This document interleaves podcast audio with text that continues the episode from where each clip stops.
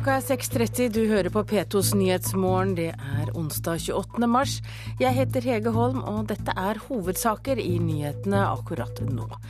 Pårørende etter terrorangrepet 22.07 forbereder seg til rettssaken ved å lese avhør av Anders Behring Breivik.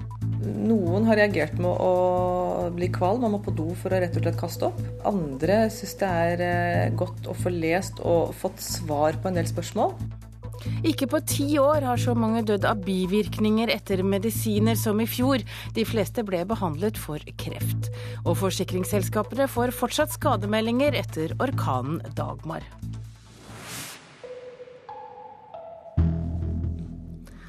Pårørende etter terrorangrepet 22.07 forbereder seg til rettssaken bl.a. ved å lese avhør av Anders Behring Breivik. Og mange får sterke fysiske reaksjoner når de leser hva han forklarer. Flere bistandsadvokater anbefaler sine klienter å lese avhør. Ellers kan det bli et sjokk å komme i rettssalen og høre hvordan Breivik snakker.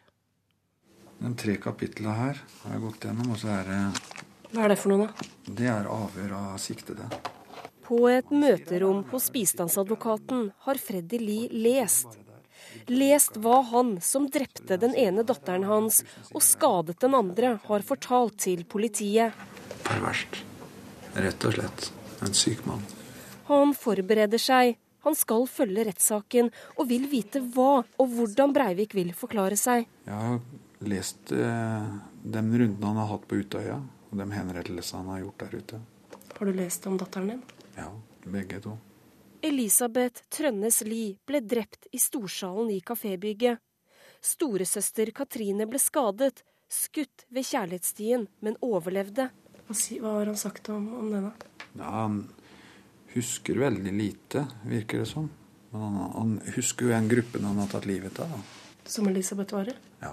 Hvordan er det å lese om det, da? Det er jo en måte en bekreftelse på hva jeg gjennom hele prosessen her. Da. Det er på en måte en bekreftelse på det han får tinga på plass, på en måte. Er det vondt? Ja. Tøft. Bistandsadvokat Nadia Hall anbefaler alle sine klienter å lese avhøret av Breivik før rettssaken starter. Hvis man ikke er forberedt på dette før man eh, hører han forklare seg i rettssaken, så tror jeg rett og slett man kan eh, eh få litt problemer med å sitte og, og høre på han. Hun sier mange pårørende og overlevende har lest avhøret av Breivik, og mange får reaksjoner. Noen har reagert med å bli kvalm og må på do for å rett og slett kaste opp. Andre syns det er eh, godt å få lest og fått svar på en del spørsmål. Men det er hele skalaen fra at de tar det bra, til at de rett og slett blir fysisk kvalme og må rett og slett bare gå, ikke orker å lese mer. Men når du ser at så mange av deres klienter reagerer sånn ved å lese, ved å sitte på et møterom altså alene her og lese det, hvordan tror du reaksjonene blir under rettssaken da? Jeg tror det blir mange voldsomme reaksjoner tror jeg. Det er fortsatt mange sider igjen før Freddy Lie er ferdig. Hvordan tror du du kommer til å reagere når du hører han sier det selv? Jeg vet ikke. Hvor, hvor mye skal du lese, da? Jeg prøver å få med meg mest mulig av vitneforklaringer. Dem som har vært rundt kafébygget og storsalen. Og få se om man får noe mer informasjon om jentungen. Ja, og her var det Ellen Omland, reporter. Høyreekstreme i Norden er tema for en konferanse som blir arrangert i København i dag. Og forfatter og journalist Øyvind Strømmen, eh, du er på konferansen, du er foredragsholder i dag. Og du har også fulgt nettdebatten over lang tid. Og hva kan du si om eh, nettaktiviteten til de høyreekstreme etter 22.07? Internasjonalt så er det omtrent slik som det har vært. Det har ikke vært noen store endringer å spore.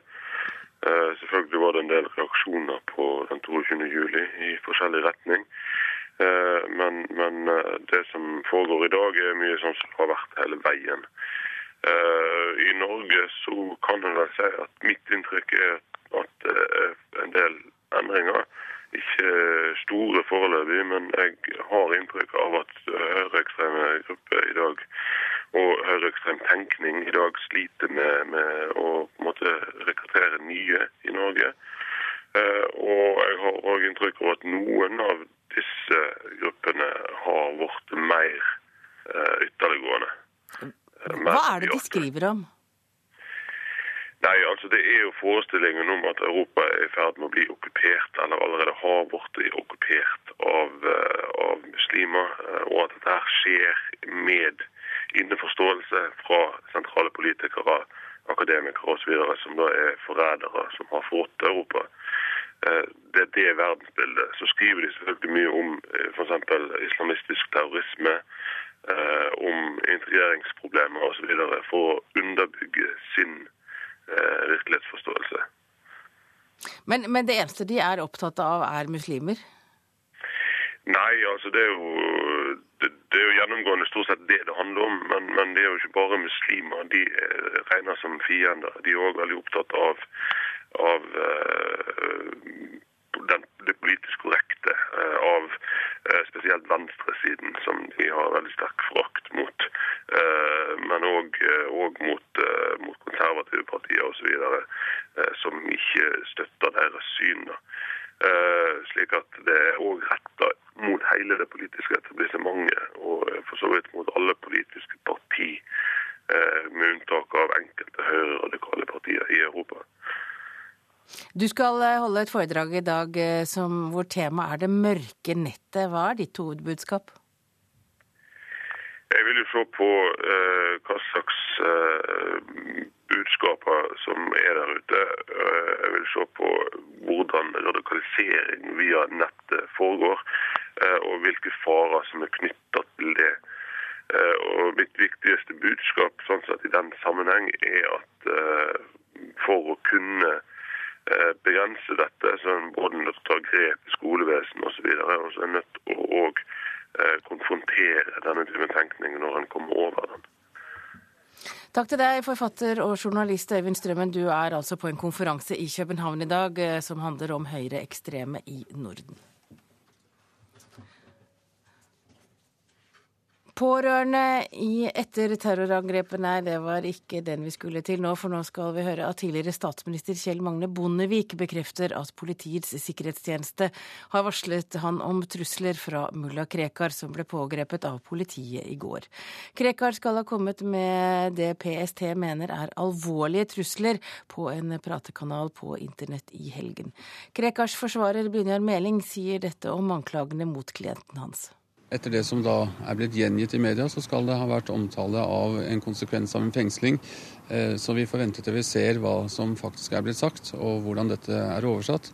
Og så får vi ta det med mulla Krekar i forkant av fengslingsmøtet, eh, slik at han får forberedt seg i forhold til hva han er anklaget for denne gangen. Ja, og det blir mer om Krekar-saken her i Nyhetsmorgen etter klokka sju. Regjeringspartiene la i går fram landbruksmeldingen. Et bredere forlik med Kristelig Folkeparti skal ha blitt veltet fordi regjeringen ikke vil etterkomme krav om investeringsfond. Regjeringspartiene står samlet om innstillingen i landbruksmeldingen, men kilder sentralt i partiene forteller til Nasjonen at dragkampen om innholdet i meldingen har vært svært hard og delvis skapt splid blant de tre regjeringspartiene.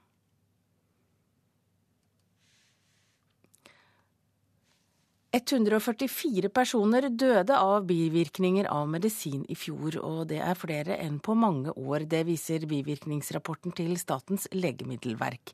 Det er bivirkninger av nye kreftmedisiner som tar flest liv, sier medisinsk fagdirektør i Legemiddelverket, Steinar Madsen.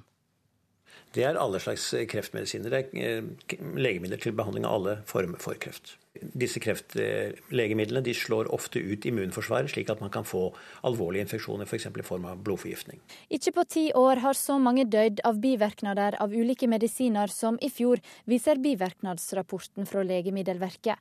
At kreftmedisiner som cellegift er den største gruppa, er nytt. En del av disse medisinene er nye, og derfor er det veldig viktig at vi får meldinger om det. fordi det er litt usikkert alltid hvilke bivirkninger et nytt legemiddel gir. Så meldinger fra legene er veldig viktig for oss i arbeidet med å trygge bruken av legemidler i Norge. Men rapporten viser at færre leger har meldt inn alvorlige bivirkninger. Ja, konsekvensen kan jo være at vi går glipp av bivirkninger som burde bli kjent. Og det betyr noe for pasientenes sikkerhet. Fordi når vi, en bivirkning blir kjent, så kan man også ha tiltak for å motvirke denne bivirkningen. Slik at nye bivirkninger er veldig viktig for trygg behandling av pasientene.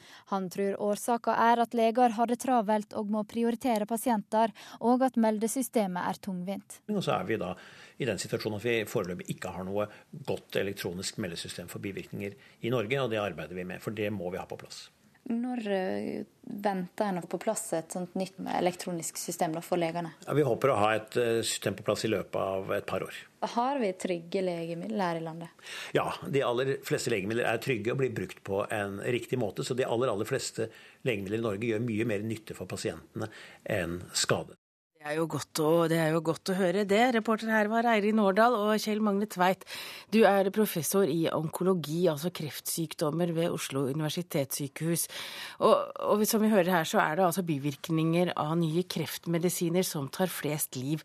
Er det noe kreftpasienter vet om?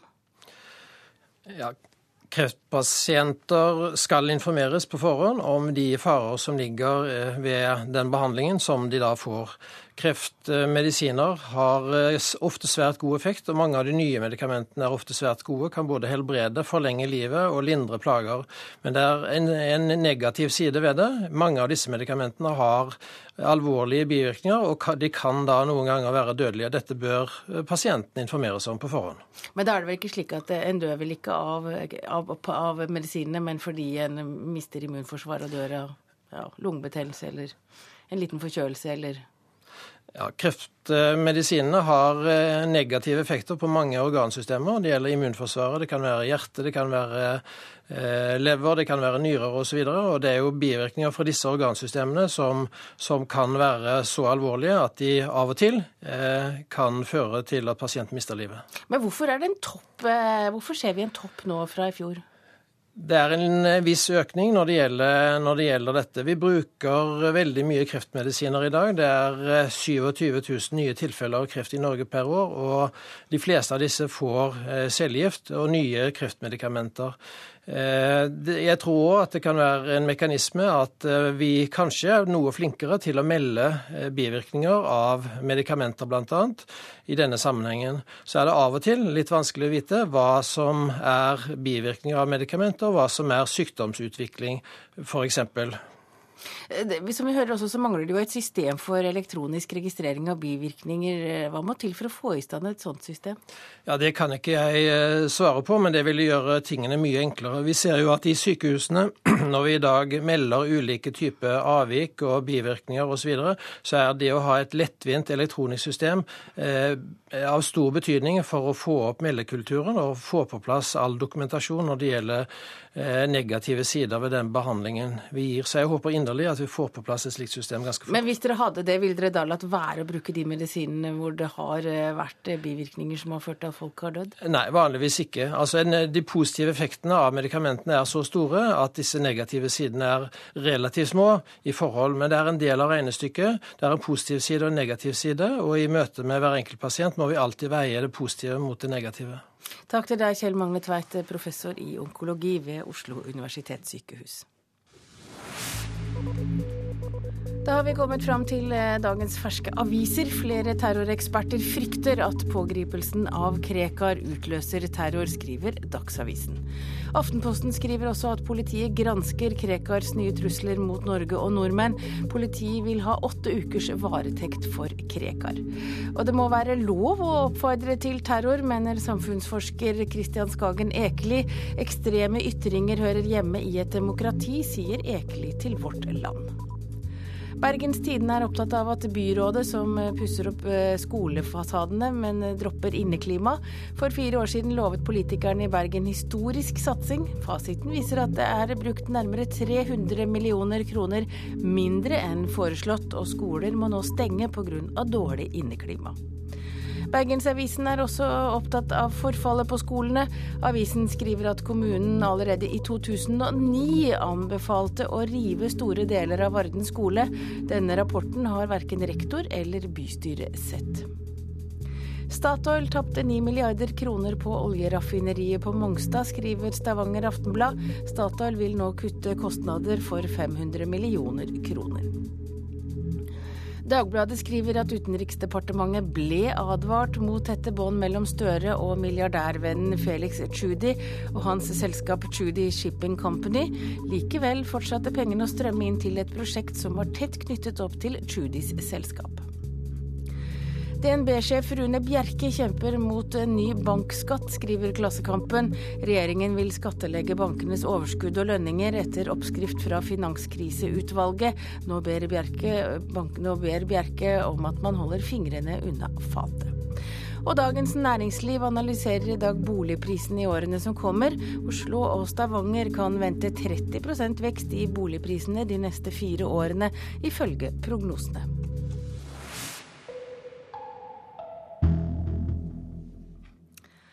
Da skal vi snakke sport, for Norge er avhengig av å imponere under AVM i mai for å kunne rekruttere flere proffer til NHL.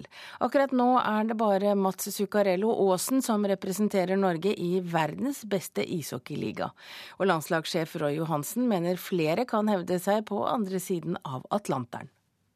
Pulls up, fake, shoot! For det er slik det høres ut når en norsk ishockeystjerne er med i NHL. Eh, vi møter stort sett bare NHL-spillere i VM, og kan du matche de spillerne der, så kan du spille i NHL. For nå er det nemlig Mats Zuccarello Aasen som har muligheten til å bli den nye norske ledestjerna, slik Sjampo har vært tidligere. Og det er flere slike talent landslagssjef Roy Johansen vil se flere av, men det er tøft i verdens beste hockeyliga. Det er eh, veldig avhengig av hvordan kontrakt du får. Får en toveiskontrakt, vi risikerer å bli sendt ned, så er det bedre å være i Europa, eh, vil jeg tro. Så det er litt eh, hvor i karrieren du er også. Om du er ung og kan reise for å prøve, eller om du har eh, vært med så lenge at altså du er helt avhengig av å få en enveiskontrakt. Flere har prøvd seg i utlandet, bl.a. Ole Kristian Tollefsen. Og Modobekken er enig med landslagssjefen at Norge og Europa har minst like gode utviklingsmuligheter. Vi har bra skolesystemer her i Norge så du kan få trent mye på ung alder. så det, Man behøver ikke å reise altfor tidlig, men noen hjelper det. For meg så var det positivt, og for andre så kanskje er det negativt. Jonas Holø, som er tidligere NHL-spiller, og som nå spiller i svenske Vaksjø Lakers, føler likevel at det er enklere på glattisen her hjemme. Følte vel at eh, jeg kanskje ikke fikk helt den eh, tilliten jeg skulle hatt, og, og fikk en bedre sjanse til å spille her hjemme på mer istid. Eh, spille mer i powerplay og være en viktigere spiller for laget mitt. og Det var derfor jeg dro. Men så kunne jeg vært der over og spilt, men det hadde vel, vært mest AOL, og det var det jeg ikke ville. Og Sånn er det vel for flere andre òg. Så det er jo litt valg vi gjør. Men uh, samtidig så er vi ikke helt der som de andre nasjonene må produsere spillere. Men uh, forhåpentligvis en dag så kommer det flere og flere. Og reporter her var Ingvild Liadal. Du hører på Nyhetsmorgen i NRK P2 og Alltid nyheter. Klokka er 6.47, og dette er hovedsaker i nyhetene. Pårørende etter terrorangrepet 22.07 leser avhørene av Anders Behring Breivik foran rettssaken. Noen må kaste opp, forteller bistandsadvokat. Ikke på ti år har så mange dødd av bivirkninger etter medisiner. De fleste var kreftpasienter. Og følg med. En av norgeshistoriens største konkurser blir nå musikal. Både banker og investorer har noe å lære, sier mannen bak oppsetningen.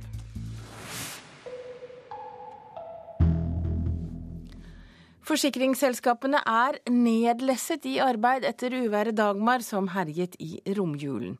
Fortsatt kommer det inn skademeldinger, og det er køer på takst, taksering. Vi har blitt med takstmann Øyvind Kjærvåg i If skadeforsikring Møre og Romsdal på jobb. Her er det en sånn klassisk som bestilling på, da, som viser på en måte litt om forsikringsobjektet. Som du ser her, så er det totalskade på naust, og får så stort omfang. Huset er rasert. Tre av fire vegger står så vidt igjen. Her ligger da resten av taket. Det har gått tre måneder siden orkanen Dagmar herja rundt i landet. Men fortsatt kommer det inn nye skademeldinger etter hendelsen. Øyvind Kjærvåg er If skadeforsikring sin eneste takstmann i Møre og Romsdal. En av hans oppgaver er å lage takstrapporter til forsikringsselskapet etter at han har sett på skadeomfanget. På mandag så fikk han inn tolv nye henvendelser knytta til Dagmar. Og det har ikke vært uvanlig de siste ukene. Det har vært 12-14 som har vært på det meste på en enkelt dag. Naturskadene kommer på en måte som et tillegg til de vanlige saksmengder. Det har vært en utfordring, for vi måtte hente mye folk fra både Sør- og Østlandet og Nord-Norge for å klare å ta unna oppdragene. Så det tar litt tid. Jeg har vært i If i ti år, og det har aldri vært så mye som det har vært nå. Hele takstapparatet eh, som vi har tilgjengelig er satt i sving, men takstmennene har en kjempejobb med å få eh, besøkt eh, en rekke steder. Og da tar det tid før, eh, før alle har fått, eh, fått, besøk som skal ha besøk av en takstmann. Det sier Tonje Vestby, som er kommunikasjonssjef i Finansnæringens Fellesorganisasjon. For det er mange som vil ha erstatning. På landsbasis så har det nå kommet inn 15 570 skademeldinger. Noe som tilsvarer erstatninger på rundt 916 millioner kroner.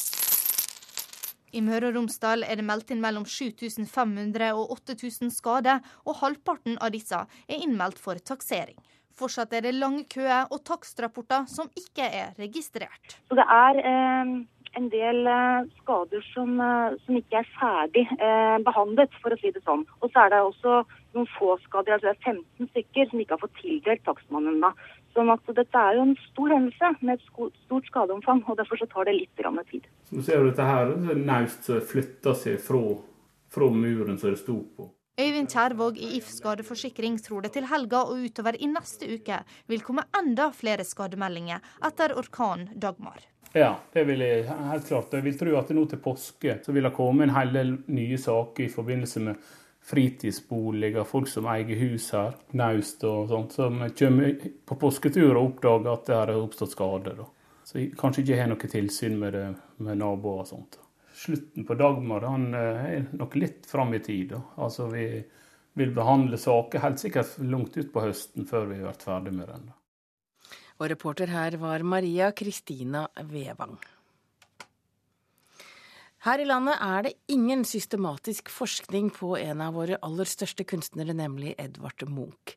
Det er for dårlig, mener rektor Ole Petter Ottersen ved Universitetet i Oslo. Nå går han sammen med Munch-museet og Nasjonalmuseet om en storsatsing på Munch-forskning til jubileet neste år. Det er de bildene her som heter Det grønne værelset. Fra 1907. Så det er, syv bilder. Kunsthistoriker Signe Endresen forsker på kunstneren Edvard Munchs bilder. Jeg er opptatt av eh, figurene i Munchs bilder, og eh, at man skal kunne se på dem på en annen måte enn bare som eh, på en måte speilinger fra Munchs liv. Hun er alene om å ta doktorgrad på Munch ved Universitetet i Oslo. Mens det har kommet tolv doktorgrader om Henrik Ibsen de siste seks årene, er det ingen om Munch om man ser bort fra en avhandling som sammenligner nettopp Munch og Ibsen. Også for mastergrader er det store forskjeller i forskningen på de to kunstnerne. 54 oppgaver om Ibsen, 15 om Munch. Munch eh, er eh, ikke, har ikke fått stor nok oppmerksomhet i norsk forskning, rett og slett. Rektor Ole Petter Ottersen ved Universitetet i Oslo mener forskningen på Munch i Norge har vært for liten og for sporadisk. Volummessig så ligger jo forskningen på Munch eh, langt etter. Det er andre kulturpersoner i Norge som det er fokusert veldig mye på når det gjelder forskning, ved Grieg og, og Ibsen. Hvis dere syns at det er så viktig å forske på Munch, Hvorfor har det vært så lite av det ved universitetet hittil? Det er et, eh, et, godt spørsmål, og eh, vi har vel ikke noe fullgodt eh, svar på det. Men nå vil Ottersen gi Munch-forskningen et skikkelig løft. I fjor startet han et forskningssamarbeid med Munch-museet. Nå signerer også Nasjonalmuseets direktør Audun Eckhoff avtalen. Vi ønsker jo å være ledende i verden på Munch-forskning. Så det å trappe opp også det internasjonale forskningssamarbeidet er viktig her. Og så trekke til oss både norske og utenlandske forskere. Har dere noen som forsker på heltid på Munch per i dag ved Nasjonalmuseet? Nei, det har vi ikke. Så det ønsker vi å få til. Sammen vil de tre institusjonene samle Munch-forskere fra hele verden i Oslo. På sikt kan det komme et fysisk Munch-senter. I første omgang blir det en større konferanse neste høst, i forbindelse med feiringen av Munchs 150-årsdag. Eh, jubileet skal være ikke bare fyrverkeri, skal også være eh, en strategisk mulighet til å videreutvikle kunnskapen og og interessen for Edvard Munch. Sier Stein Olav Henriksen, direktør ved Munch-museet. Men fortsatt gjenstår finansieringen. Nå søker de tre Norges forskningsråd og private sponsorer om penger. Munch-forsker Signe Endresen håper det kommer nye stillinger, slik at hun kan diskutere Munch med flere forskere som driver med det samme. Jeg skulle gjerne hatt eh, et par til stipendiater og et par postdokker. Det hadde vært kjempefint, det. ja, da får vi se hvordan det går med Munch-forskningen. Reporter her var Ida Kvittingen. En av norgeshistoriens aller største konkurser blir nå musikal. For 100 år siden ble det funnet verdifulle mineraler i fjellet mellom Kvikne og Tynset i Nord-Østerdal. På rekordtid ble det bygget opp et helt gruvesamfunn, men 17 år etter var alt borte. Den ble beskrevet som en av de største konkursene i norgeshistorien i rikspressa i Norge. Året er 1904. På Snaufjellet mellom Kvikne og Tynset finner et gruveselskap verdifullt kopperholdig svovelkis. Det verdifulle mineralet trekker til seg folk fra hele Norge, Tyskland og Sverige, og fører til rene Klondyke-stemninga på det øde fjellområdet. Så klarte de å bygge opp helt ifra nakne fjellet en landsby på 500 innbyggere, som hadde alle de funksjonene som et lokalsamfunn har. Og så ble det stengt over natta. Jon Ole Hogstad fra Tynset forteller om gruveeventyret som på 17 år gikk fra stor optimisme til like stor fortvilelse. Nå blir den spesielle gruvehistoria musikal på Tynset.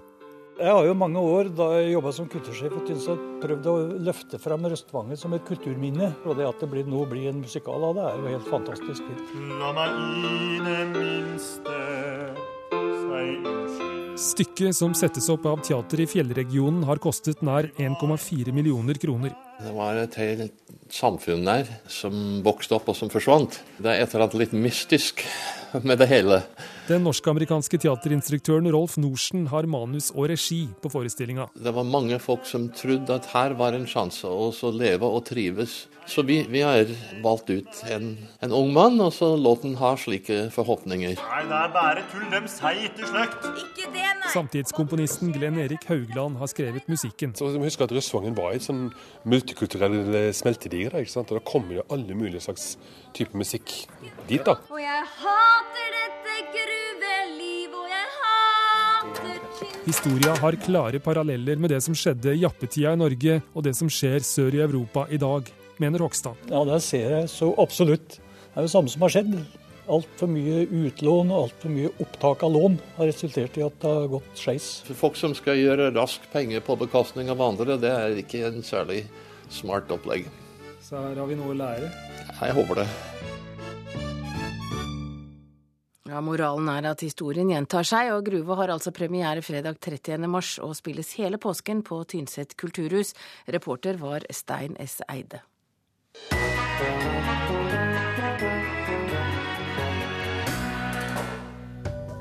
Hvordan er det å måtte forlate både ministerpost, kontor, sjåfør og internasjonal timeplan og bli tvunget til å kaste inn håndkle for å slippe til yngre krefter?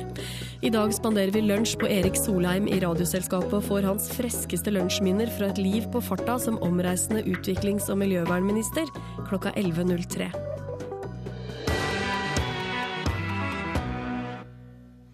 Da har vi kommet fram til et værvarsel, og i dag er det spesialvarsel for Vest-Agder, Aust-Agder, Telemark, Vestfold, Østfold, Buskerud, Oslo, Akershus og Oppland.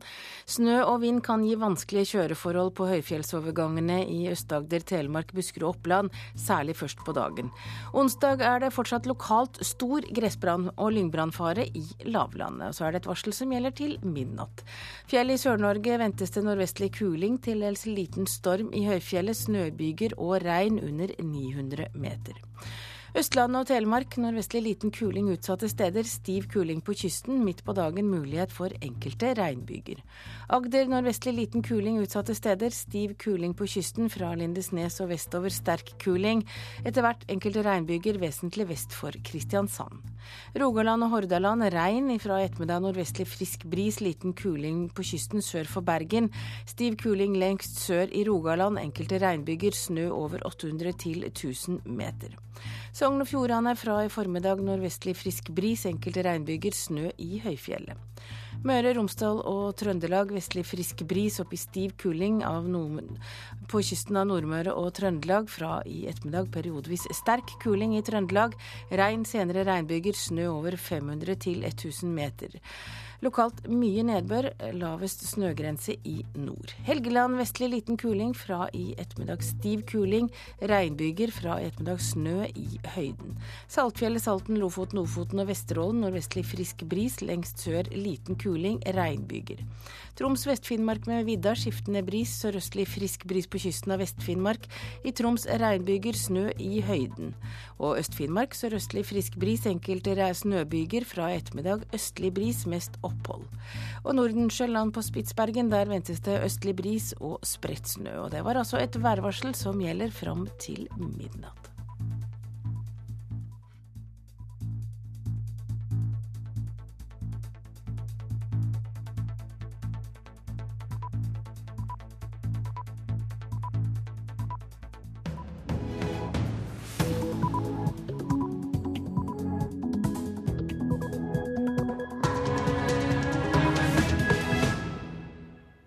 Klokka er sju. Du har altså radioen din på P2s Nyhetsmorgen. Jeg heter Hege Holm. Her er en nyhetsoppdatering. Pågripelsen av mulla Krekar kan føre til terroraksjoner, mener den tidligere lederen for Islamsk råd. Type voldelige aksjoner rett rettet mot, rett mot staten Norge. Nesten ingen hjelpepleiere som jobber på sykehjem har lyst til å bo der selv når de blir gamle. Sudan har gjennomført flere bombeangrep i Sør-Sudan. Dette er de verste angrepene på veldig lenge, ifølge Jan Ledang i Norsk Folkehjelp. Det er eh, alarmerende. Det kan føre til en uh, ny krig. Opposisjonen i Syria står mer samlet enn på lenge. De forsøker nå å danne en felles front mot president Bashar al-Assad og hans regime. Og ikke på ti år har så mange dødd av bivirkninger etter medisiner. Det er bivirkninger av nye kreftmedisiner som tar flest liv, sier Steinar Madsen i Legemiddelverket.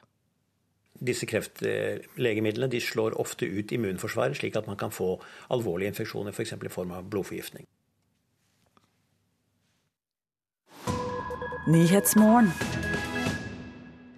Norske islamister kan forsøke seg på et angrep i Norge etter pågripelsen av mulla Krekar.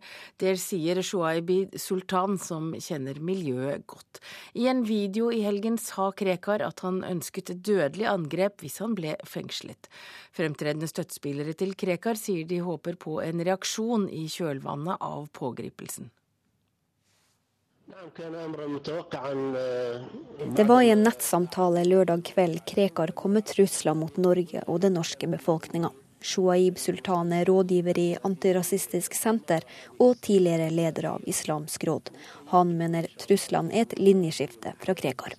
Krekar har jo tross alt det han har sagt og gjort, holdt på en linje hvor han mente at Norge han og Norge var i en fredssituasjon, eller fredstilstand.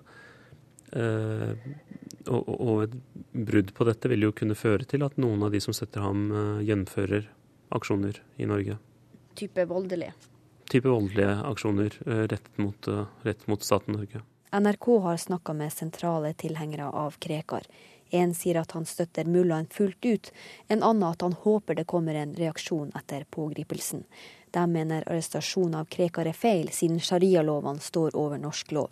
Sultan tror pågripelsen av Krekar kan føre til en ytterligere radikalisering. For den lille gruppen som støtter ham, så tror jeg dette er, måte, dette er en sak som blir mye viktigere enn en noe annet. NRK har vært i kontakt med flere forskere som ikke ønsker å uttale seg, fordi de ikke vil oppildne radikale krefter. En av dem anslår at det er mellom 50 og 100 radikale islamister i Norge. Kommunikasjonsdirektør i PST, Trond Hugobakken, vil ikke kommentere om gruppa blir nøyere overvåka nå. Det ønsker jeg ikke å gå inn på. Eh, PST gjør jo kontinuerlige vurderinger av eh, det vi omtaler som trusselbildet. og Detaljene i, i, hva vi vurderer og hvordan vi vurderer det, det kan jeg ikke gå inn på. Den anerkjente terrorforskeren Magnus Ranstorp ved Forsvarshøgskolen i Sverige tror ikke pågripelsen av Krekar fører til en økt terrorfare i Norge, men at mullaen vil få en større påvirkningskraft. Nei, det er jo nesten som en eh, delvis uh, mardrøm for ham, men, men også en, en drøm, ettersom uh, han, han, får jo en uh, en plattform. Hans status eh, øker ytterligere. Og Reportere her var Kristine Svendsen og Berit Aalborg, og PST vil trolig komme med mer informasjon om saken i forbindelse med fengslingsmøtet i dag, skriver Dagbladet. Og vi med oss eh, Brynjar Meling, du forsvarer Krekar, og tidligere statsminister Kjell Magne Bondevik bekrefter at PST har varslet han om trusler fra mulla Krekar. PST sier til Dagbladet i dag at de trolig vil fortelle mer under dagens fengslingsmøte. Hva vet du om eh, truslene? Jeg har fått en påtegning fra PST i forbindelse med fengslingsmøtet som skal være i Oslo tingrett i dag. Den Denne har jeg gått igjennom med mulla Krekar i går. Eh, og med den feilkilde som ligger i min tolkning tilbake til eh, engelsk og mulla Krekars begrensede engelsk, eh, så kjente i hvert fall ikke han seg igjen i de beskrivelsene og gjengivelsene som var der. Så får vi se hvordan dette blir da når han eventuelt blir foreholdt opptak eller direkte tale som han da har gjort på Paltalk eller andre medier i helgen, om man ser annerledes på det. Ja, Hva mener du med feiltolkning? Eh, det som jeg sier, er at han i hvert fall ikke kjente seg igjen i de beskrivelsene som er gitt i den påtegningen. Altså hvor de har gjengitt de uttalelsene som PST mener er trusler. Ja, Mener du at han ikke har truet Kjell Magne Bondevik eller eh, oppfordret til, til aksjoner hvis han skulle fengsles? Nå er ikke Kjell Magne Bondevik nevnt i den påtegningen, så det har jeg ikke forholdt han. Eh, når det gjelder oppfordring til, til aksjoner mot Norge, så har jeg ingen formeninger om hva han har sagt. Det jeg har prøvd å forklare, er hva han sier. Eh, og han kjente seg ikke igjen i de beskrivelsene.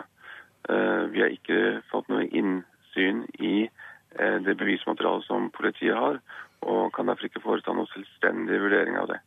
Så det Shoaib Sultan, som da kjenner miljøet ganske godt, sier i dag, og at dette er et linjeskift, det er du uenig i?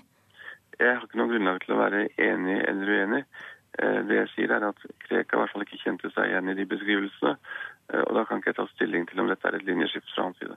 Men Betyr det at Krekar ikke har kommet med noen form for trusler, ifølge han selv? Det er for tidlig å si.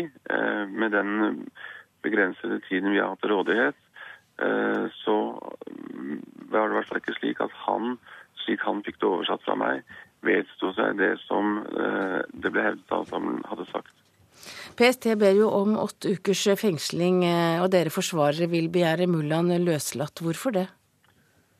Mulla Krekar har jo hele tiden hevdet i forbindelse med uttalelsene han har kommet til, så ligger til grunn både for dommen i tingretten og som også nå eh, ligger til grunn for den nye siktelsen, at han ikke truer noen, men forklarer en situasjon ut ifra islam.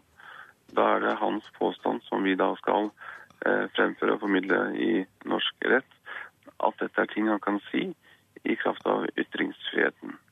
Og Da er det heller ikke riktig å ha ham varetektsfengslet, slik han ser det. Takk til deg, Brynja Meling. Du er altså mulla Krekars forsvarer. Bare to av ti hjelpepleiere som jobber på sykehjem ønsker selv å bli gamle på et sykehjem. Det viser en ny stor undersøkelse NRK og Fagforbundet har gjennomført. 1500 hjelpepleiere på sykehjem har svart på undersøkelsen. Svarene deres avdekker alvorlig avvik og omsorgssvikt på sykehjem over hele landet. Hun blir plassert i stor, et stort allrom midt på gulvet. alene, flombelyst. Synnøve Christensen fikk sjokk da hennes mor ble lagt inn på et sykehjem i Oslo. Hun ber om hjelp. Hun var sterkt inkontinent. Opptil flere ganger fra personalet. Sitter timevis med bleie som ikke lenger holder. Og får beskjed om bare å vente. Det gjentar seg over en totimersperiode. To ganger. Hvorpå en medpasient kommer opp til henne og hjelper henne. Inn på toalettet. Hun har fått beskjed om å dra i en snor. Den virker ikke. Hun sitter der i ca. 15 minutter etter at hun har ropt på hjelp og er redd. Det er ikke tid til å gi dem livskvalitet. Pasienter kan ligge eller sitte flere timer i sin egen urin. Dette sier én pleier i undersøkelsen. En annen sier Brukere fikk beskjed om å heller urinere i bleien enn at pleiere fulgte dem på toalettet, siden det ikke var dorunde akkurat da. Pleierne beskriver en hverdag der det ikke er tid til å hjelpe pasientene med mating eller dobesøk. Pasientene kommer seg ikke ut eller får tilbud om aktiviteter. Det blir gitt beroligende for at pasienten ikke skal kreve så mye. En av pleierne beskriver det helt enkelt slik. Jeg har sett og opplevd så mye de siste årene. Det er grunnen til at jeg ikke vil på sykehjem. Ja, Reporter her var Kaja Frøysa, og mer om denne saken kan du se på FBI på NRK1 i kveld. Helge Eide, du er direktør i kommunenes interesseorganisasjon KS, og etter å ha hørt dette her, får du lyst til å bli gammel på et norsk sykehjem? Når vi hører om eh, situasjoner som dette, så eh, er det eksempler på ting som ikke skal skje i sykehjem, og som gjør at eh, man ikke får lyst til å være på sykehjem. Så vet vi heldigvis at det normale bildet er at eh, ting som er knyttet til hygiene, behov, altså behov knyttet til hygiene, til, til mat, til medisinske behov, det blir eh, i alminnelighet dekket på, på, sykehjemmene våre. Det viser også denne eh, undersøkelsen. Så skjer det enkelttilfeller dessverre. Og hvert eneste enkelttilfelle, enten det er ett eller ti eller hundre, er, er, er uakseptabelt. Eh, grunnen til, grunnen til at, eh, at, disse tingene skjer, det er jo det som også undersøkelsen viser, det er et betydelig press på tjenestene. Det er en betydelig press på våre flotte og dyktige ansatte som gjør en, en, en strålende jobb men som opplever at behovene er rett og slett for store i forhold til det som de greier å dekke. Og Det går særlig utover dette med å gi tilbud til, til aktivitet, Eh, til eh, å sørge for at eh, man har sosial kontakt. Fordi at man må dekke de aller viktigste behovene, sånn som f.eks. mat, medisiner, toalettbesøk, hygiene osv. Men, men altså bare én av fem hjelpepleiere som jobber på sykehjem, kan selv tenke seg å bo der når de blir gamle. Hva tenker du om det? Jeg tenker at akkurat det er ikke så veldig overraskende i seg sjøl. For vi vet jo at i framtiden, så enda mer enn i dag, så vil sykehjem være et sted hvor man er når man virkelig er syk. Eh, de aller fleste av oss vil nok først og fremst ønske å bli gammel i eget hjem, og eh, beholde en god helse så lenge som mulig og ha stand til å ha full kontroll over eh, vårt eget liv. Så heller ikke jeg ønsker å bli gammel på sykehjem. Det er ikke fordi at jeg tror at sykehjem er dårlige. Våre sykehjem er i all hovedsak gode, men jeg ønsker å være mest mulig frisk og kunne være hjemme lengst mulig. Og det tenker jeg også det er hovedutfordringen for norske men, men når du sier hovedutfordring, altså dette er rapporter vi, de har vi, altså Så lenge jeg kan huske, og jeg er jo ikke akkurat født i går, så har vi fått rapporter om uverdige forhold ved sykehjem. Og folk som ikke, folk som må legge seg klokka seks, ikke får mat etter seks om kvelden, og som ikke blir skifta på. Er det vanskelig å få sykehjem som gir oss en verdig slutt? Det som jeg tenker dette viser, det er at eh, innenfor de rammene som vi realistisk må regne med eh, finnes til dette, så kan vi gjøre heldigvis mer enn i dag for å, å ytterligere styrke kvaliteten på, på, sykehjemmene. Vi kan gjøre mer f.eks. For, i forhold til velferdsteknologi, som gjør at ansatte slipper å bruke mindre, eh, mindre tid på ting som ikke de må gjøre sjøl, og kunne bruke mer tid på direkte pasientrettet aktivitet. Vi kan gjøre mer for å organisere arbeidstiden sånn at det blir mer heltid. For vi, vi vet jo at det er en nær sammenheng mellom kvalitet eh, på sykehjemmene og i eldreomsorgen og omfanget av, av, heltid. Vi kan gjøre mer for å, å støtte pårørende, for å trekke frivillige organisasjoner enda sterkere inn eh, i sykehjemmene, sånn at ansatte får frigjort tid til det som de virkelig er utdannet for. Betyr det at om noen få år så er dette rapporter vi ikke lenger får høre? Vi skulle ønske at, at vi kunne utstede en, en garanti og si at dette kommer ikke til å skje. Eh, det må selvsagt være en målsetning. Eh, det viktigste å gjøre nå, det er å diskutere hva kan vi gjøre videre for eh, å arbeide mot det målet at, at, uverdige forhold ikke skal være til stede i sykehjem. Og Da er det som sagt forhold til velferdsteknologi, forhold til organiseringen av arbeidstiden osv. Vi får se hva dere klarer å finne fram til sammen med de andre som er involvert. Takk til deg, Helge Eide, direktør i KS. Klokka er 13 minutter over sju. Du hører på Nyhetsmorgen i NRK P2, og dette er hovedsaker i nyhetene. Pågripelsen av mulla Krekar kan være en drøm for mullaen. Nå får han enda høyere status, mener terrorforsker. Solenergiselskapet REC regner med full produksjon i fabrikk på Herøya i Telemark de neste månedene. Det kan også bli aktuelt å ta inn igjen ansatte som er permitterte. Og Legemiddelverket ber legene bli flinkere til å melde fra om bivirkninger av medisiner. Ikke på ti år har så mange pasienter dødd av bivirkninger som i fjor.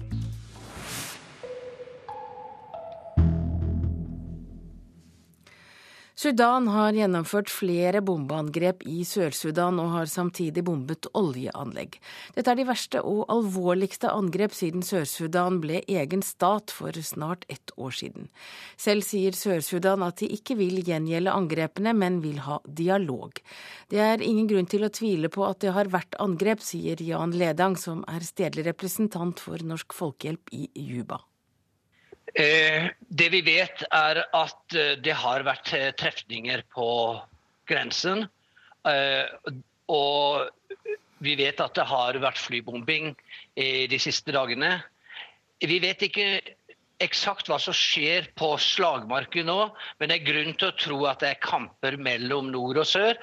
En type minikrigføring på, på, i grenseområdene. Så det betyr at Sør-Sudan har valgt å gjengjelde angrepene? Ja, Det er viktig å understreke her at utviklingen mellom nord og sør har gradvis forverret seg.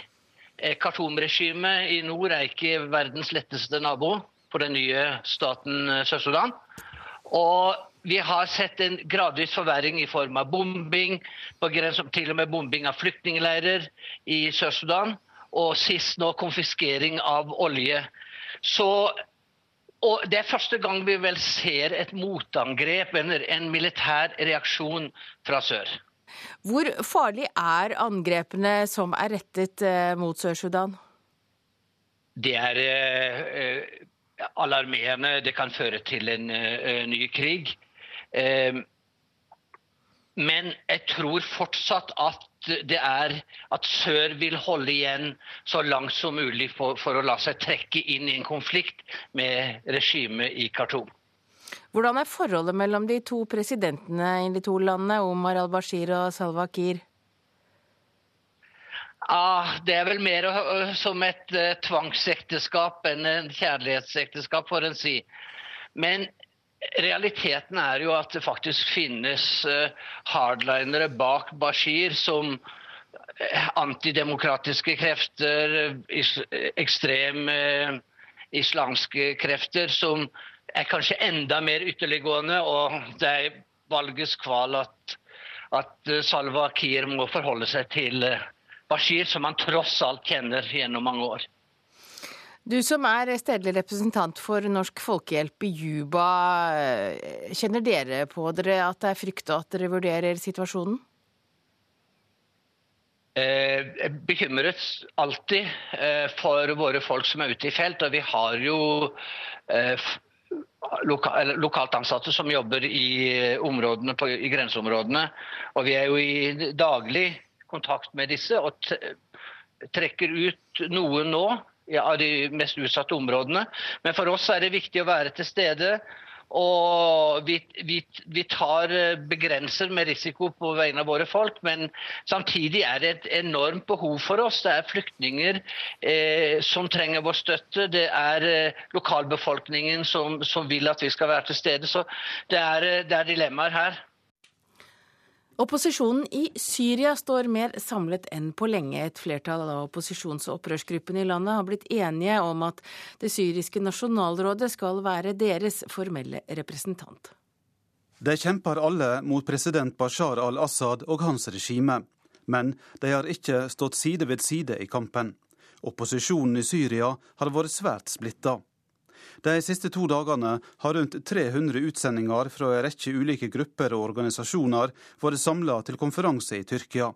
Det syriske nasjonalrådet inviterte. Håpet var å skape en felles front mot Bashar al-Assad. Mye tyder på at de i alle fall til en viss grad har lukkes. Konferansen konkluderte nemlig med at nasjonalrådet heretter skal være formell representant for det syriske folket. Ja, Det sa utenriksreporter Eivind Molde. Mens eh, Israel og Iran rasler med sablene på politikernivå, forsøker enkelte israelske bloggere å vise at ikke alle israelere er på krigsstien. Vi snakker om nettkampanjen Israel Loves Iran, der vanlige israelske borgere sender kjærlighetserklæringer om fred til vanlige iranere. Og budskapet det blir godt mottatt blant iranerne på nettet. Og tidligere Midtøsten-korrespondent Sissel Wold, hvem er det som har startet denne kampanjen? Ja, det er en israeler som heter Ronny Edri, og hans eh, samboer, Michael Tamir, eh, de driver et grafisk verksted, så de har laget denne plakaten som er veldig, veldig sånn visuelt lett å se. 'Israel loves Iran. We will never bomb your country'. Og de var veldig lei av all denne krigsretorikken. For det går jo ikke en dag uten at israelske ledere snakker om ikke om vi skal bombe Iran, men når vi skal bombe Iran, og at Iran Irans president Ahmadinejad er som nye Hitler, og de er en eh, eksistensiell trussel mot staten Israel. Og mange ble lei av denne krigsretorikken, så de laget denne siden. Og det de sier, er at vi kjenner ikke dere iranere. Vi har aldri truffet iranere. Vi vet ikke om, om uh, dere er verdt å hate. Vi kan ikke hate noen vi ikke kjenner, så vi prøver å ta kontakt med dere. Og Hva slags svar får de da fra iranere som eh, leser dette? Ja, eh, Folkene bak denne siden var jo veldig spent. og Så gikk det 48 timer, og så begynte iranere forsiktig, forsiktig å svare. Fordi at israelere har en veldig stor grad av ytringsfrihet. De kan gjøre stort sett hva de vil. Mens iranere de kan jo få store problemer hvis de har kontakt med israelere og blir stemplet som eh, agenter for det sionistiske regimet. Så det tok litt tid. Men jeg ser også på nettet nå at det er mange iranere fra utlandet som har svar forsvarte eh, israelerne. Og de skriver at eh, vi elsker dere også, vi vil ikke at noen skal bombe, vi syns at dere ser veldig hyggelige ut. Og så legger de ut små videosnutter hvor de eh, sender hyggelige hilsener til hverandre. Hva slags betydning kan en slik bevegelse ha? Det er jo veldig befriende å se at folk flest altså, er fornuftige og ikke vil ha krig, og i alle fall ikke noe som ligner på en atomkrig. Men israelerne som står bak, bak, dette, det er jo veldig mye Tel Aviv-israelere på venstresiden. Du møter jo ingen fra høyresiden her. De mener at dette bare er tull og tøys og søppel, egentlig. Naiv, naive tanker. Mens også i Iran så er jo folk eh, mye forsiktigere med å svare eh, israelerne, men de også skriver at eh, vi syns at dere ser veldig hyggelige ut, og vi syns at israelske menn er eh, kjekke, og kvinnene er vakre, og vi vil ikke bombe dere heller. Som ikke annet så er det iallfall et, eh, et lyspunkt i et eh, ellers litt stort mørke. Absolutt. Takk til eh, deg, tidligere Midtøsten-korrespondent Sissel Wold. Da har vi kommet fram til en eh, presserunde. Flere terroreksperter frykter at pågripelsen av Krekar utløser terror, skriver Dagsavisen. Aftenposten skriver også at politiet gransker Krekars nye trusler mot Norge og nordmenn. Politiet vil ha åtte ukers varetekt for Krekar. Det må være lov å oppfordre til terror, mener samfunnsforsker Christian Skagen Ekeli. Ekstreme ytringer hører hjemme i et demokrati, sier Ekeli til Vårt Land.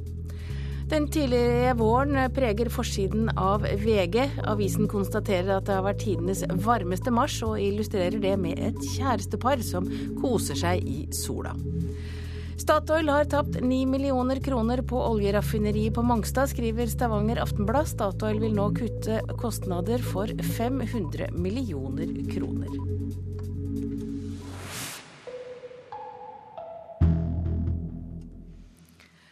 REC har denne uken full produksjon i fabrikk fire på Herøya. Grunnen er økt etterspørsel etter solcellepanel.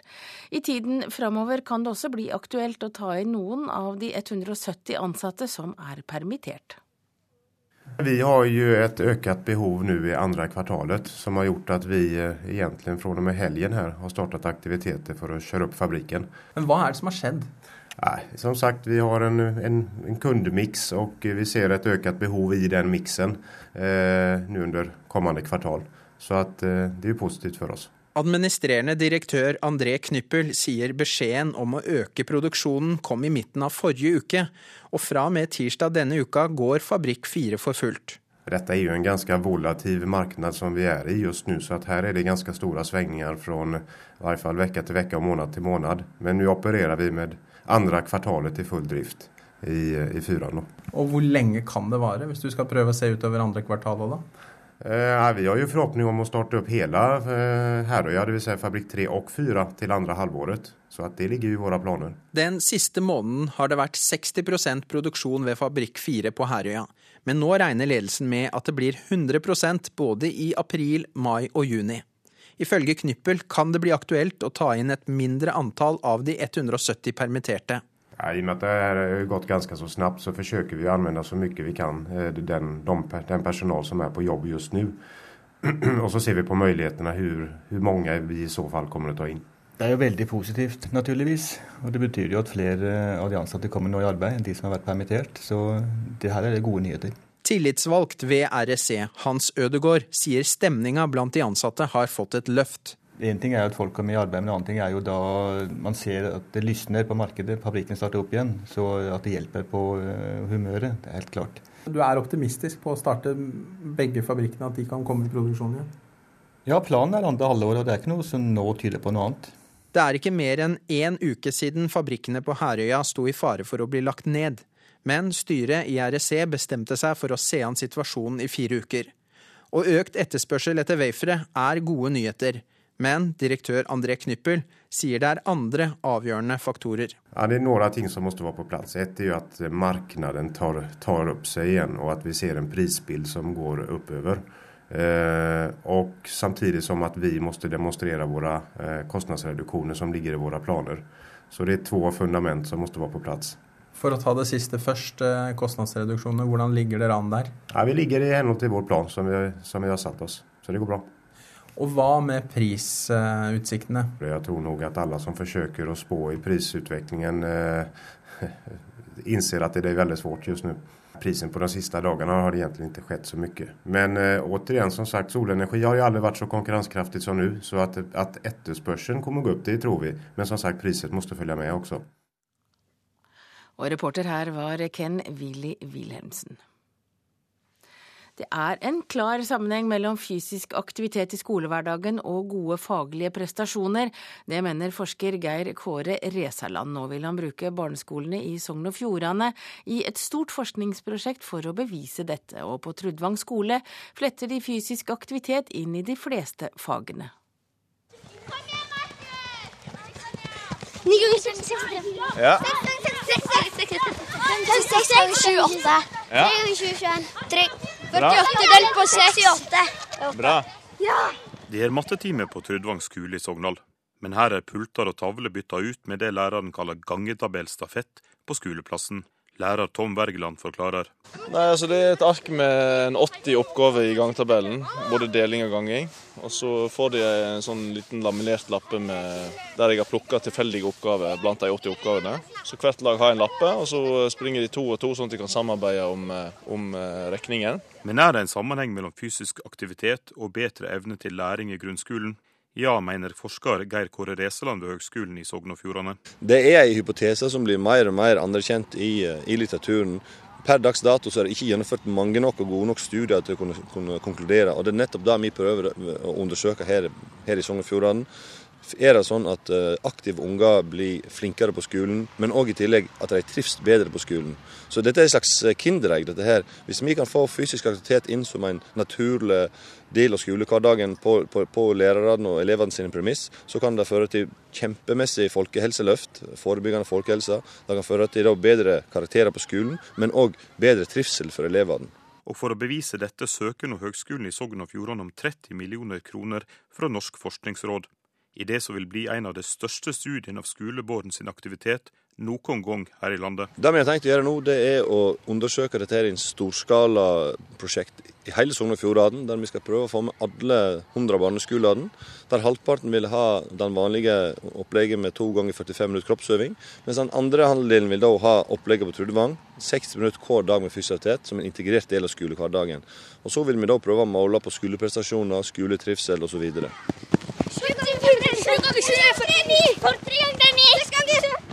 Ungene springer mye på Trudvang skole i Sogndal, og de har lenge hatt mellom 30 og 60 minutter daglig med fysisk aktivitet som en del av skolehverdagen.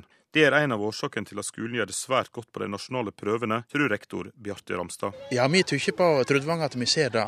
Og eh, nå har de nettopp hørt en eh, hel fjerdeklasse der alle er positive, alle er engasjert, alle ønsker å lære gjennom det å drive med fysioterapeut. Sånn at vi når òg de elevene som ikke kanskje alltid når i klasserommet. Vet ikke hva som skjer når de springer sånn som de gjør nå?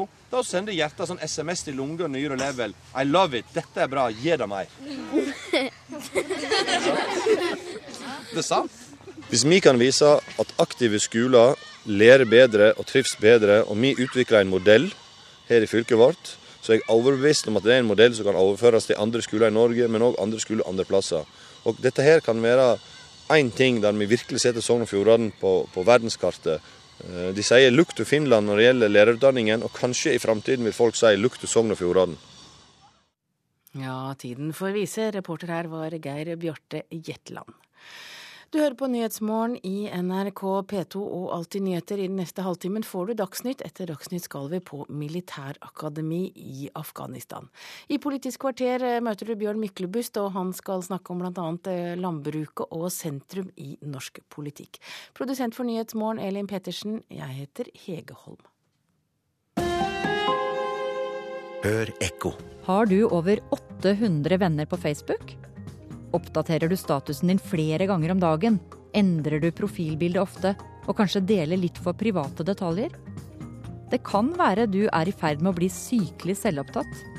Noen mener at Facebook gjør flere av oss til narsissister.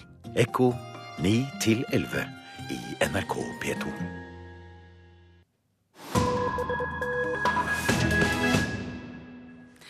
Og du hører fortsatt på Petos Nyhetsmorgen. Nå skal vi til Afghanistan, der det øverste militærakademi nylig holdt den årlige seremonien med utdeling av vitnemål og medaljer for flere hundre kommende offiserer.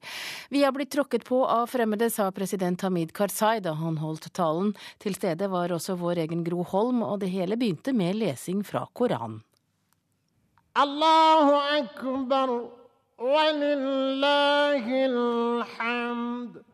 De var der alle sammen.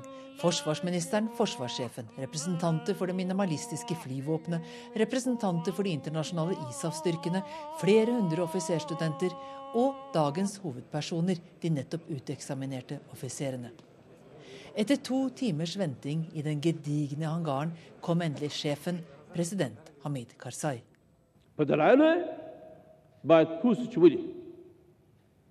Vi bør vite grunnen til at vårt land stadig blir tråkket på av fremmede. Hvorfor angrep Russland vårt land? Hvorfor startet vårt folk å kjempe mot hverandre etter Russlands invasjon og nederlag? Hvorfor klarte våre naboer å blande seg inn? Hvorfor er Afghanistan i det hele tatt avhengig av utlendinger i dag? spør landets president, der han står høyt hevet over studentene, rett under et gedigent portrett av seg selv. Svaret gir han også selv. Vi er for dårlig utdannet, vi tar ikke vare på talentene, vi mangler den nødvendige teknologien. Men utdanning er nøkkelen, og dere er vår framtid, sier presidenten, men han er ikke ferdig med historien ennå.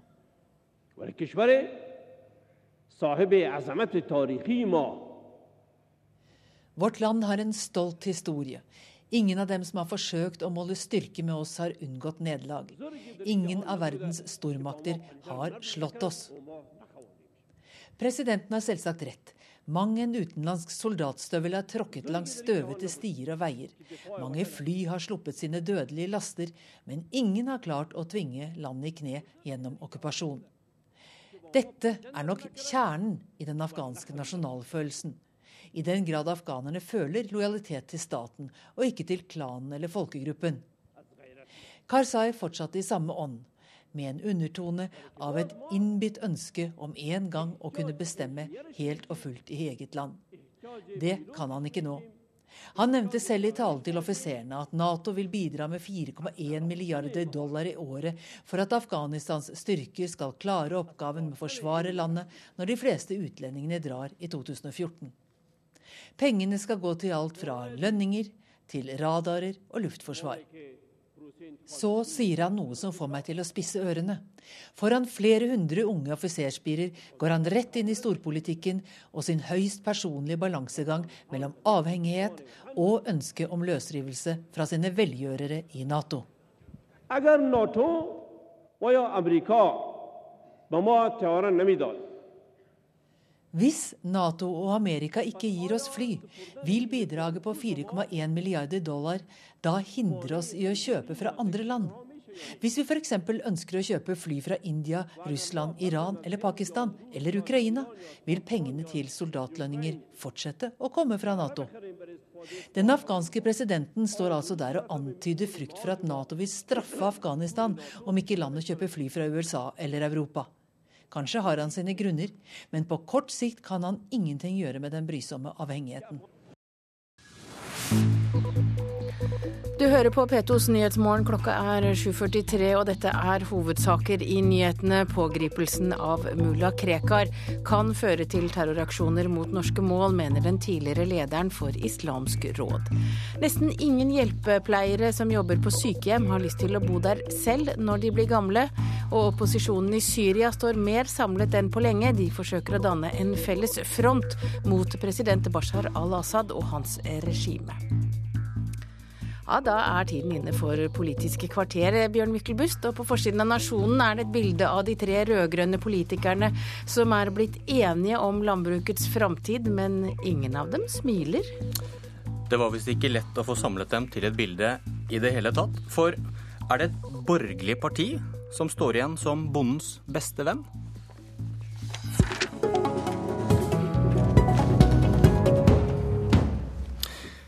Kanskje kunne en god landbruksmelding blitt enda bedre. Parlamentarisk leder i Senterpartiet, Trygve Slagsvold Vedum. Hvis du kunne velge, ville du hatt regjeringens landbruksmelding som du nå har foran deg, eller ville du hatt Kristelig Folkepartis alternativ? Jeg ville hatt eh, regjeringas landbruksmelding som jeg nå har foran meg, for den har et flertall i Stortinget. Og den sier at norsk matproduksjon skal øke med 20 Altså en massiv satsing på å øke norsk matproduksjon. Den sier at man skal ha en inntektsutvikling i landbruket. Den sier at man skal ha økte investeringer i landbruket. Den sier at man skal bygge ned mindre dyrka mark. Og gjennom at Senterpartiet er i regjering, så har vi sikra flertall for tydelige og klare formuleringer og klare målsetninger for eh, norsk landbruk. Og det er når du sitter ved makta, du ser hva et parti faktisk prioriterer. Og når vi har makta, så prioriterer vi landbruk. Og vi prioriterer det hardt internt i regjeringa. Og vi prioriterer å få et flertall på Stortinget, og det har vi fått sammen med Arbeiderpartiet og Sp. Det hadde vi ikke klart å fått eh, med Høyre og Frp. Men hva var det KrF krevde å få inn om bondens inntekter? Nei, så KrF eh, og KrF sin representant Ringmor Andersen Eide har jo skrøt av det som har skjedd etter 2005.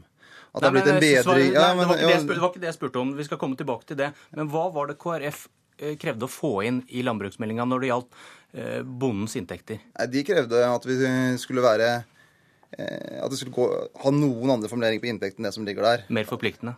Ja, altså Hvor mye mer forpliktende den var, det kan man diskutere. Eh, men, eh, men det, det var, så, Sånn ble det ikke. Men, det som, men sånn det blir Hva var, at, hva var argumentene mot, da? Argumentene Og det konkrete forslaget? Argumentene mot det konkrete forslaget, det er det ulike vurderinger rundt. Men poenget for Senterpartiet er å få et bredt flertall eh, som sikrer eh, positive inntektsformuleringer. Og det ligger det nå i meldinga. Og skal vi klare å få positive inntektsformuleringer for norsk landbruk, så er vi helt avhengig av å ha med Arbeiderpartiet og SV på laget. Eh, og det er gjennom eh, sentrum Arbeiderpartiet SV at vi klarer å få vilje til å bruke mer penger på landbruket. Og det har utviklinga etter 2005 sett. Og det er den utviklinga vi også må fortsette mellom eh, Senterpartiet, Arbeiderpartiet og SV, sentrum Venstre. KrF-leder Knut Arild Hareide. Hvis en bonde er opptatt av større inntekter, Bør han eller hun stemme KrF eller Senterpartiet? Jeg tror det er to veldig gode alternativ. Vi vet at eh, Senterpartiet alltid har vært et parti som har vært opptatt av eh, landbruket. Det var et defensivt, defensivt svar, var det ikke det? Nei, jeg, jeg, har vært opptatt av at landbrukets beste venn har du i sentrum av norsk politikk. Der ligger både Senterpartiet, der ligger KrF. Eh, men det som, som, vi har vært opptatt av her, er jo at eh, akkurat som eh, parlamentarisk leder Slagsvold Vedum sier, så må vi øke matproduksjonen. Og for å øke matproduksjonen, da trenger vi bønder i landet vårt. Og vi trenger mer matjord. Og vi ser jo at utviklingen på begge de to faktorene går dessverre i feil retning. Det blir færre bønder, og det blir mindre matjord. Og Derfor så har vi vært sagt at hvis vi skal være med og støtte regjeringen i når det gjelder denne landbruksmeldinga, så må vi òg få noe igjen for det. Og Der har det vært ekstra viktig for oss å ha fokus på matproduksjon, og i særdeleshet det som går på inntekt. For vi er opptatt av at inntektsgapet mellom bønder og andre yrkesgrupper skal reduseres. Hvis du tar da matfylket Rogaland, så vet vi altså at gjennomsnittslønna for oljearbeidere er nå over én million. Og så vet vi hvor bøndene ligger når det gjelder inntekt. Hvorfor skal unge, flinke, dyktige mennesker tenke at ja, det er landbruket jeg vil satse på, når du veit hva alternativet en har. Det er realiteten i dag. Og Derfor så har vi sagt at, og det er helt rett som Slagsvold Vedum sier, faktisk har da utviklingen fra 2005 til 2010 vært positiv. Altså inntektsgapet er blitt mindre. Men vi måtte ha garantier, selvfølgelig, for å bli med her, at den utviklingen skulle fortsette. Og det fikk vi ikke, og det var vi skuffet over. Vi var opptatt av å få til en forbedra landbrukspolitikk. Vi vil ikke være med til pynt, vi vil ha reelt gjennomslag. Men du får spørre, det... får spørre deg, hvis det rød-grønne flertallet skulle ryke ved neste korsvei. Hvor stor er sjansen for at dere får gjennomslag for deres landbrukspolitikk? Ja, jeg har sagt at uh, går vi inn i både regjeringssamtaler eller samarbeidssamtaler, uh, så kommer ikke landbruket til å være til salgs for KrF sin del for regjeringstaburetter. Uh, landbruket er en viktig del. Jeg syns det er et moralsk, etisk spørsmål. I en verden... Er, er, står landbruk på den lista du har Eh, har kommet med for eh, når partiet ditt skal bestemme seg for hvem dere skal samarbeide med? Jeg har sagt at vi skal ha en regional utvikling i alle deler av landet. Vi vet at landbruket er en av de viktigste delene for å få det, det til. Det er et av mine eh, ti punkt. Men jeg syns òg at når vi ser på matproduksjon, så har det en Det at vi tar ansvar i Norge for det, er utrolig viktig. I en verden der det er mer sult, der vi trenger mat, så må vi òg ta vårt ansvar. Og for å få til det, så må vi øke matproduksjonen. Da trenger vi bønder, og da trenger vi mer matjord. Slagsvold Vedum, hva er sjansen for at Hareide får gjennomslag for sin landbrukspolitikk? Nei, altså, Først er jeg glad for at eh, Knut Arle Hareide bekrefter at når KrF mista makta i 2005, så ble det en bedre landbrukspolitikk etterpå enn når Hareide sjøl satt i regjering. Altså Ett år før valget sist så, så var tilbudet staten minus 493 millioner. Når KrF hadde statsministeren. Og så sier jo både Hareide nå og Rigmor Andersen Eide sa i går at det ble bedre når, når KrF mista statsministeren, og at det ble en rød-grønn regjering. Så løftene så, vi hører nå, de skal vi ikke tro på? Vi må i hvert fall se på hva et parti prioriterer når de har makt. Og de prioriterte jo ikke landbruk når de hadde makt sist. Så er jeg veldig glad for at KrF nå snakker mer om landbruk enn de har gjort på lenge. Det er veldig positivt for oss som er brennende engasjert for norsk landbruk. Men så er det jo det som er det store paradokset, når vi ser da parlamentarisk leder i, i KrF, Hans Olav Syversen, uttaler seg i Vårt Land tidligere i, i vinter, så han jo helt klart at hvis KrF eh, kommer på vippen, så vil de prioritere en regjering med Høyre og Frp, som har sin parlamentariske grunnlag i Høyre og Frp. Og Når du da ser på hva Høyre og Frp gjør i landbrukspolitikken, der Frp kutter langt over 6 milliarder, der eh, Høyre kutter nesten 2000 millioner, og begge to partier sier at de ønsker å redusere tollvernet betraktelig, så er det nesten uforståelig at KrF, som sier at de er opptatt av landbruket, likevel er helt klare på at de ønsker å regjere sammen med Høyre og Frp, som går helt motsatt vei. Så både historien ja, det... Eh, taler mot KrF, og framtidige regjeringspartnere. Så en stemme på KrF i 2013 er jo en stemme på en Høyre-Frp-dominert regjering. Hvis ikke snart Knut Hareide tør å, å, svare tydelig på det. Jeg syns det er veldig skuffende at uh, parlamentarisk leder i Senterpartiet ikke, ikke, har større både forventninger og mål enn å overgå Høyre og Frp i landbrukspolitikken. Det har iallfall KrF, uh, og det trodde jeg òg at denne rød-grønne regjeringa hadde. Så kan vi godt ta historien. Jeg velger å være ærlig og si at det har vært en positiv utvikling fra 2005 til 2009. Vi vet jo òg det. Men hvordan skal, vi, hvordan skal ja, men, vi stole så, på de løftene du kom med i stad? Ja, si, dere har sittet i regjering, dere vi, har ja. hatt en sjanse til å prioritere landbruk. Og vi prioriterte landbruket da vi satt i Bondevik II-regjeringa. Det tror jeg begge eh, landbruksorganisasjonene kan bevitne at nettopp statsminister Bondevik gikk inn engasjert i de landbruksforhandlingene mens han satt i regjering. Og hvis vi ser på tallene, så vet vi at da vi gikk ut av regjeringskontorene i 2005, så utgjorde altså landbruket 1,7% av budsjettet. I dag utgjør det 1,4% Og vi vet at det har vært en formidabel økonomisk utvikling de siste årene. Og vi ser at så det er ikke bare Trygve Slagsvold Vedum som kan slå seg på ja, brystet? Det, nei, og det ser vi på alle områder. Så det er blitt mer penger. Eh, det ser vi. Eh, jeg jobber med transport til daglig. Der ser vi det er blitt mer penger. Sykehusene har fått mer penger. Men det vi registrerer, det er at landbruket har fått en mindre andel. Da vi gikk ut av kontorene, så utgjorde altså budsjettet til landbruket 1,7 i dag utgjør det 1,4% altså en nedgang relativt sett. Og, og, jeg tror utfordringen for bøndene i dag, så blir de òg De må sammenligne seg med, med, andre grupper. Det å gå aktivt inn i landbruket, det trenger vi unge, dyktige mennesker til å gjøre. Dessverre så ser vi at det er færre og færre som kan tenke seg det. Og det er ut ifra den konkurransesituasjonen landbruket har i dag. Det er flere måter å regne på, Slagsvold Vedum? Ja, men Den letteste måten å regne på er å bare se på de oppgjørene som ble lagt fram når, når Bondevik var statsminister. For da var det minus øh, oppgjør. Øh, altså lavere priser til bonden, øh, lavere budsjettoverføringer og, og, og få skattemessige grep. på det tidspunktet vi var nå når de hadde makta. Et av de beste oppgjørene var da Kåre Gjønnes var landbruksminister i sentrumsregjeringa. La, la meg snakke ferdig. Mens du har sett etter at Når den rød-grønne regjeringa har overtatt, så har det vært pluss hvert eneste år. Så har Senterpartiet er veldig utålmodig. Vi ønsker å gå videre og kjemper hardt for å øke inntektene, redusere skattegrepene og sørge for at man får en, et bedre tollvern. Eh, og, og, vi ønsker å komme videre også i kommende jordbruksoppgjør. Men historien eh, på hva KrF prioriterer når de har makt, den er jo helt nedslående. Og sist så hadde de jo tross alt statsminister Bondevik. Jeg tror ikke at KrF kommer til å klare å få statsministeren med Erna Solberg. Og Høyre ønsker jo en helt annen retning. Og når de ikke klarte det når de sjøl hadde statsministeren, hvordan skal de da klare det når de ikke har det?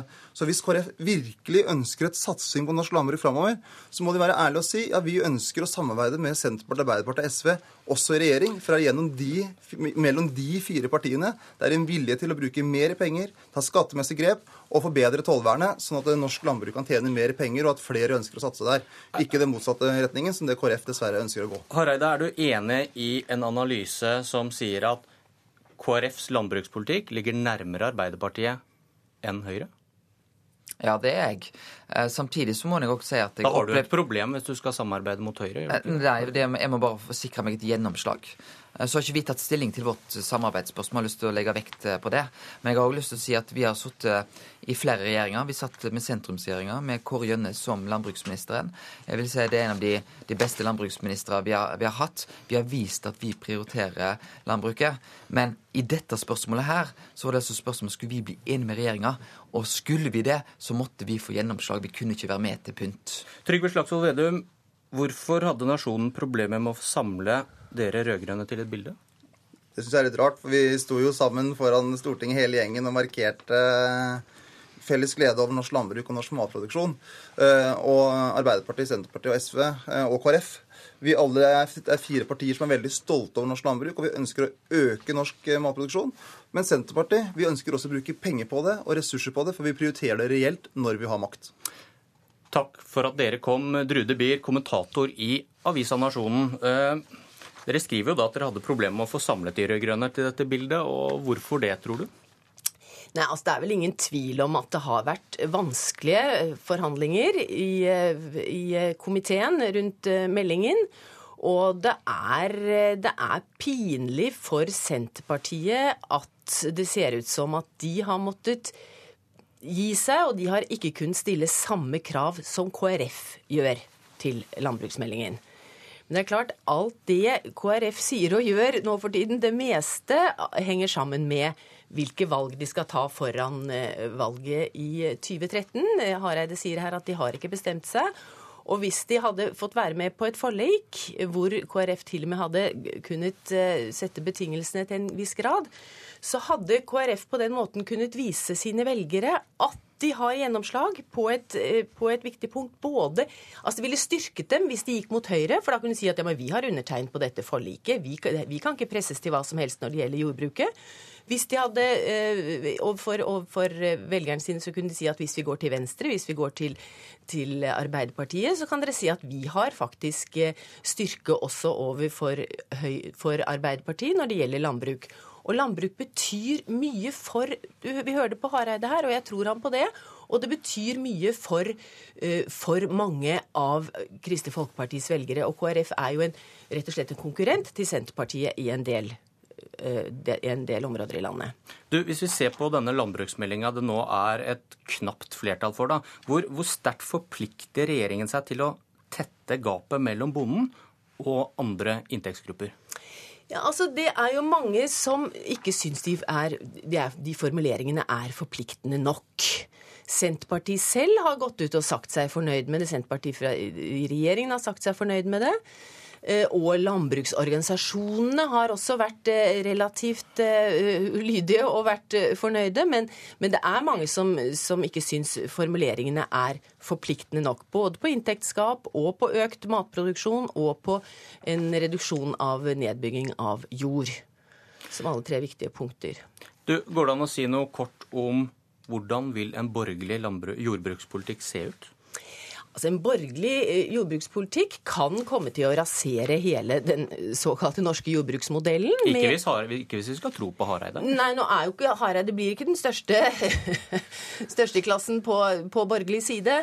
Eh, Men, eh, men eh, han kan Det skal bli vanskeligere, og det skal bli Altså, han er tydelig på at jordbrukspolitikk betyr mye. Og hvis han hadde fått dette, vært med på dette forliket, så hadde det vært enda vanskeligere å, å presse det. Men, men Høyre Frp er jo villig til å eh, droppe jordbruksforhandlinger og vern av, ja, vern av lønninger og Trude Beer, kommentator i Nasjonen, takk for analysen. Politisk kvarter er slutt. Jeg heter Bjørn Myklebust. Søndagen gir oss litt ekstra tid. Tid til å lytte og tenke. Til å forstå litt mer. Du er en samfunnskritiker, men du står ikke på noen barrikade. Hvor står du hen? Hør Søndagsavisa. Jeg, jeg, har- jeg har ikke lov til å si det sjøl, men bedre blir det ikke. Søndagsavisa klokka 11 i NRK P2.